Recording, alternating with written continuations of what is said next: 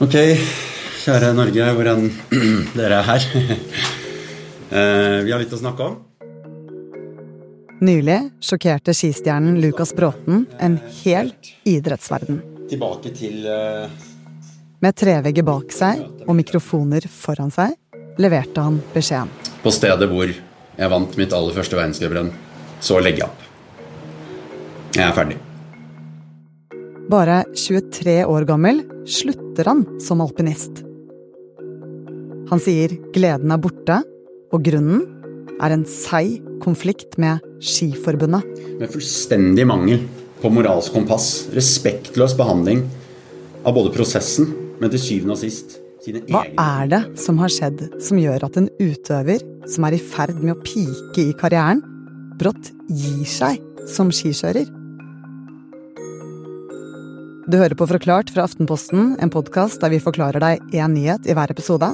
I dag om den litt kompliserte konflikten mellom skiprofilene og Skiforbundet. Jeg heter Synne Søhol, og i dag er det onsdag 1. november. Han elska jo at jeg ikke var sportsjournalist. Det var liksom helt konge. Mari Lund Viktorsen, du er jo altså da ikke sportsjournalist, men jobber i A-magasinet, og for litt siden så var du hjemme hos Lukas Bråten da du skulle intervjue ham. Og hvordan var han egentlig? Han var eh, veldig blid, varm, imøtekommende, energisk. Eh, og noe som var litt gøy, da, som jeg føler illustrerer eh, hvordan han er, det er at eh, med en gang jeg kom inn døra nærmest, så flekka han av seg eh, genseren han hadde på seg eh, for å skifte til noe mer comfy, og da gikk han rundt i baris i leiligheten som om jeg var en gammel venn. Og så gikk han og satte på kaffemaskina. Mari, hvor begynner alpineventyret til eh, Lukas Bråten? Lukas han har en far fra Norge og en mor fra Brasil. Han vokste opp i Hokksund. Eh, Da han var ganske liten, så var han overhodet ikke interessert i alpint, men etter hvert så ble han mer og mer gira, og bare ti år gammel så skrev han og faren ned en tiårsplan for hvordan Lukas skulle bli blant verdens beste alpinister. Lukas skulle trene 10 000 timer i løpet av ti år, og det betyr ca. tre-fire timer hver eneste dag.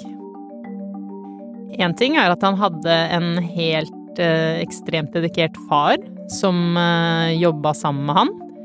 Eh, og de to gjorde ting på sin måte, noe ikke alle i lokalmiljøet heia fram, har jeg skjønt. Eh, men de var fast bestemt på at den oppskriften de hadde, den kom til å funke. Hva var oppskriften? Han gjorde mange ting. En ting han gjorde, var å trene med de som var eldre og mye flinkere enn han, for at han skulle bli like god som dem, eller eh, helst enda bedre, da. Og fra han var 13 år, så pendla han fra huset hjemme i Hokksund til eh, toppidrettsskole i Bærum, med tog og buss. Og det betydde at han måtte stå opp grytidlig hjemme i Hokksund, og han kom ikke hjem før sent på kvelden. Så, etter ni år med målrettet trening, gir tiårsplanen resultater. Og jager på lekent over den kanten der, Lukas Bråten. En 19 år gammel Lukas Bråten overrasker alle da han kjører inn til fjerdeplass i Kitzbühel.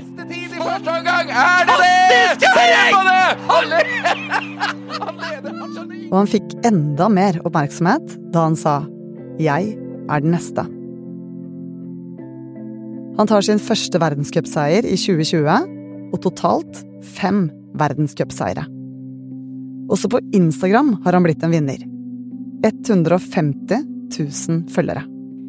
Lukas er en fyr som byr på seg selv. Han eh, er opptatt av at man må tørre å være annerledes hvis man føler det. Han eh, bruker gjerne såkalte jenteklær som skjørt og neglelakk og sterke farger. Han eh, ja, representerer noe som er større enn bare skiidrett. Han eh, er opptatt av mote og klesdesign, kunst, eh, DJ-ing, Danse han, Ja, han er en utypisk idrettsutøver, rett og slett. Det overordnede målet mitt da, med karrieren, med enda viktigere livet, det var at jeg bare skulle være så glad som mulig. Så mange dager i løpet av året som mulig. Men forrige uke ble det klart. Han er ferdig. Gleden er borte. For at jeg skal fortsette på ski og med idrett i dette systemet, så må ikke jeg bare legge drømmene mine på hylla. Men da må jeg også legge gleden min på hylla. Og det er ikke jeg villig til.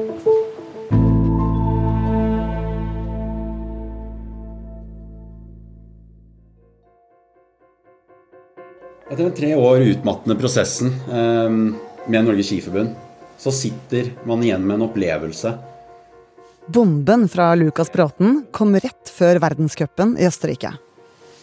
Jeg håper at denne saken her, og den prosessen rundt saken, blir gransket.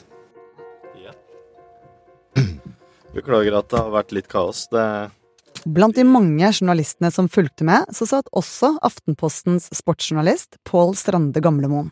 Det er masse sånne små detaljer som vi ikke vet. Superkomplisert. Men det er veldig spennende. Det handler jo liksom om Og bak nyheten så ligger det en konflikt som Pål har fulgt med på lenge. Pål, hvorfor la Lukas Bråten opp, egentlig?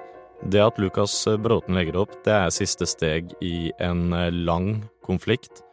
Og for Lukas Bråtens del så handler dette om at den konflikten har gjort at han har mistet det som har vært aller viktigst for han når han har kjørt alpint, nemlig gleden. Og det jeg hadde lyst til å, å, å skape, var en større bredde og en større, større aksept for annerledeshet og forskjellige personligheter når det kom til, når det kom til sport. Er du som meg, så har du kanskje fått med deg at det har vært noe krangling i Skiforbundet, men ikke skjønt helt hva det går i. For det er jo ikke bare Lukas Bråten som har hevet stemmen. Vi starter sportsdelen med at eh, Johannes Høstflot Klæbo sier nei til å være med videre på landslaget. Det melder han selv i en pressemelding. Klæbo sier at Langrennsstjernen Johannes Høstflot Klæbo og alpinisten Alexander Aamodt Kilde har også vært misfornøyd med forbundet. Og fra utsiden har det vært vanskelig å forstå hva alt sammen handler om. Pål, du som kan dette her, kan vi først ta det helt grunnleggende. Hvilken betydning har Skiforbundet for utøvere? Skisportene de er organisert eh, litt annerledes enn eh, hvordan det er i eksempel fotball, der eh, klubbene eier spillerne i hverdagen, mens spillerne de kan ha de sponsoravtalene de ønsker ved siden av. Eh, skiløpernes hverdag, altså de som eh, konkurrerer på verdenscupnivå, den styres av Skiforbundet. Det er forbundet som bestemmer hvem som skal få gå eh, de viktigste rennene, eller altså konkurrere i verdenscupen i alpint. Og det er forbundet som styrer sponsoravtalene. Så hvis du er en av Norges beste skiløper eller alpinist, så har du lyst til å være en del av Skiforbundet, for hvis ikke så får du ikke vise deg frem. Det stemmer. Men samtidig så følger det med en rekke krav for utøverne. Hva er det? Du har eh, forpliktelser overfor eh, forbundets eh, sponsorer. For eksempel så må du ha på deg eh, klær med logoene til eh, sponsorene, og du må ta hensyn til de i eh, sosiale medier. Altså, du kan ha egne sponsorer, men eh, de, disse kan du ikke reklamere for når du konkurrerer. Da må du jo så klart ha på deg klærne med logoene til sponsorene. De som da er dine egne sponsorer som du kan reklamere for utenfor skiløypa, de kan da ikke være direkte konkurrenter til eh, Skiforbundets sponsorer uansett. Og hvis du syns dette er eh, komplisert, så er du i, sammen med utøverne om det. Og det er noe av kjernen til konflikten her. Ja, for skilandslagene er avhengig av eksterne sponsorer. Pengene her går til masse forskjellig, blant annet drift av landslagene, og til å bygge opp sporten og rekruttere nye talenter osv. Og det er de store stjernene som drar inn mest penger, som Bråten, Klebo og Aamodt Kilde. Og selv om de får lov til å ha egne avtaler med sponsorer ved siden av Skiforbundet, så er forbundet skeptisk til at de kan bestemme for mye selv her. Og ett eksempel på det ble nettopp synlig. Nylig så publiserte Lukas Bråten et eh, Instagram-innlegg eh, der han hadde på seg klær fra Lindberg, som han har et eh, forhold til. Da ble det jo bråk, fordi Skiforbundet de har jo sin egen klesavtale med Helly Hansen. Og det kolliderte med sjanger på sponsor. Stemmer. Og dette har Lukas Bråten beklaget i etterkant at han gjorde. Ok, så Skiforbundet de ønsker mer kontroll eh, på utøvernes eh, sponsoravtaler. Hva er det utøverne vil, da? Det som nok er viktigst for utøverne, ut ifra det de har sagt selv, det er at de vil ha større kontroll over eh, hvem de kobles med. Johannes Høsflot Klæbo, som også er involvert i denne konflikten, han eh, har blant annet nevnt eh, verdier. At han vil ha kontroll hvis Skiforbundet for eksempel skaffer en sponsor som er i strid med hans idealer. Og etter hvert som denne frustrasjonen spredte seg til flere utøvere, så vokste saken seg større for Skiforbundet. Det, det, da begynner vi å nærme oss dette med lovutvalget. Og det er her denne saken blir enda litt mer teknisk, Pål. Hva er lovutvalget? Der sitter det personer annet med juridisk bakgrunn, og eh, med sin kompetanse da, så gir de styret i Skiforbundet råd i eksempel spørsmål som det her. Og hva gjorde det? Lovutvalget ga utøverne medhold i det at det er utøverne som eier sine egne bilderettigheter, og at utøverne og forbund sammen skal se på hvilke sponsoravtaler de inngår, altså at utøverne skal få større bestemmelse over hvem de er med på å reklamere for. Så med andre ord eh, så var dette en seier for utøverne, ikke sant? Men dette var ikke Skiforbundet enig i? Nei, de ønsket å prøve saken på nytt i Norges eh, idrettsforbund, så de har sendt den videre til eh, lovavdelingen der. Og eh, det provoserer utøverne, for de mener da at Skiforbundet de tar en omkamp kun fordi de ikke ble hørt av lovutvalget. Og da ble det dårlig stemning, eller? Utøverne ble provosert. De følte at eh, Skiforbundet sendte saken videre kun, for, kun fordi de tapte i første omgang. Eh, og eh, skistyret bestemte jo da å sende saken videre på et ekstraordinært styremøte i høst. Og så skal det sies at det var ikke full enighet i skystyret om dette. Eh, 13 av medlemmene stemte for forslaget om å sende saken videre. Ett medlem stemte imot, og ett medlem stemte blankt.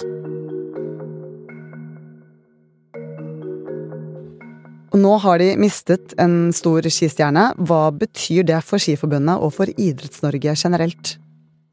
Lukas Bråten har jo, han har jo vist seg som en veldig god eh, alpinist. Men eh, gjennom å være den personen han er, eh, så har han jo favnet et publikum som er mye bredere enn det sportslige. Ved å bygge sin plattform og vise frem sine interesser også utenfor eh, alpinbakken. Så eh, de mister jo en person som eh, kunne fått inn nye unge utøvere, men de mister jo også en som kunne tiltrukket seg nye sponsorer, kanskje sponsorer utenfor den gata som Skiforbundet normalt favner.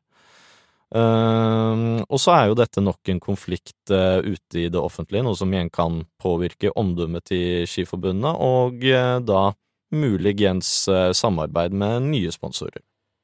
Er det sånn at Lukas Bråten er ferdig som alpinist nå, eller kan han gjøre comeback? Han stengte jo ikke døra helt på pressekonferansen. Samtidig så var han jo veldig tydelig på at hvis han skal returnere til eh, alpinsporten, så må han komme tilbake til en helt annen eh, verden. Så skulle det fortsatt vært en helt annen verden jeg returnerer til.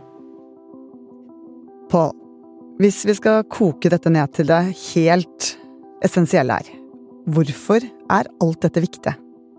Skiforbundet de vil beskytte landslagsmodellen Den som har gjort at eh, pengene de beste og mest populære utøverne har fått inn, at de drypper over på de nest beste og resten av Ski-Norge, som har gjort at utøvere som kanskje ikke har vært best tidlig, at de har kunnet levere OL-gull i senere alder. Utøverne de vil ha større rett til å bestemme over hvem de kobles til, og eh, samtidig da større påvirkning som gjør da at de kan eh, potensielt få inn eh, flere sponsorer som eh, kan eh, gagne ikke bare dem, men også resten av Ski-Norge.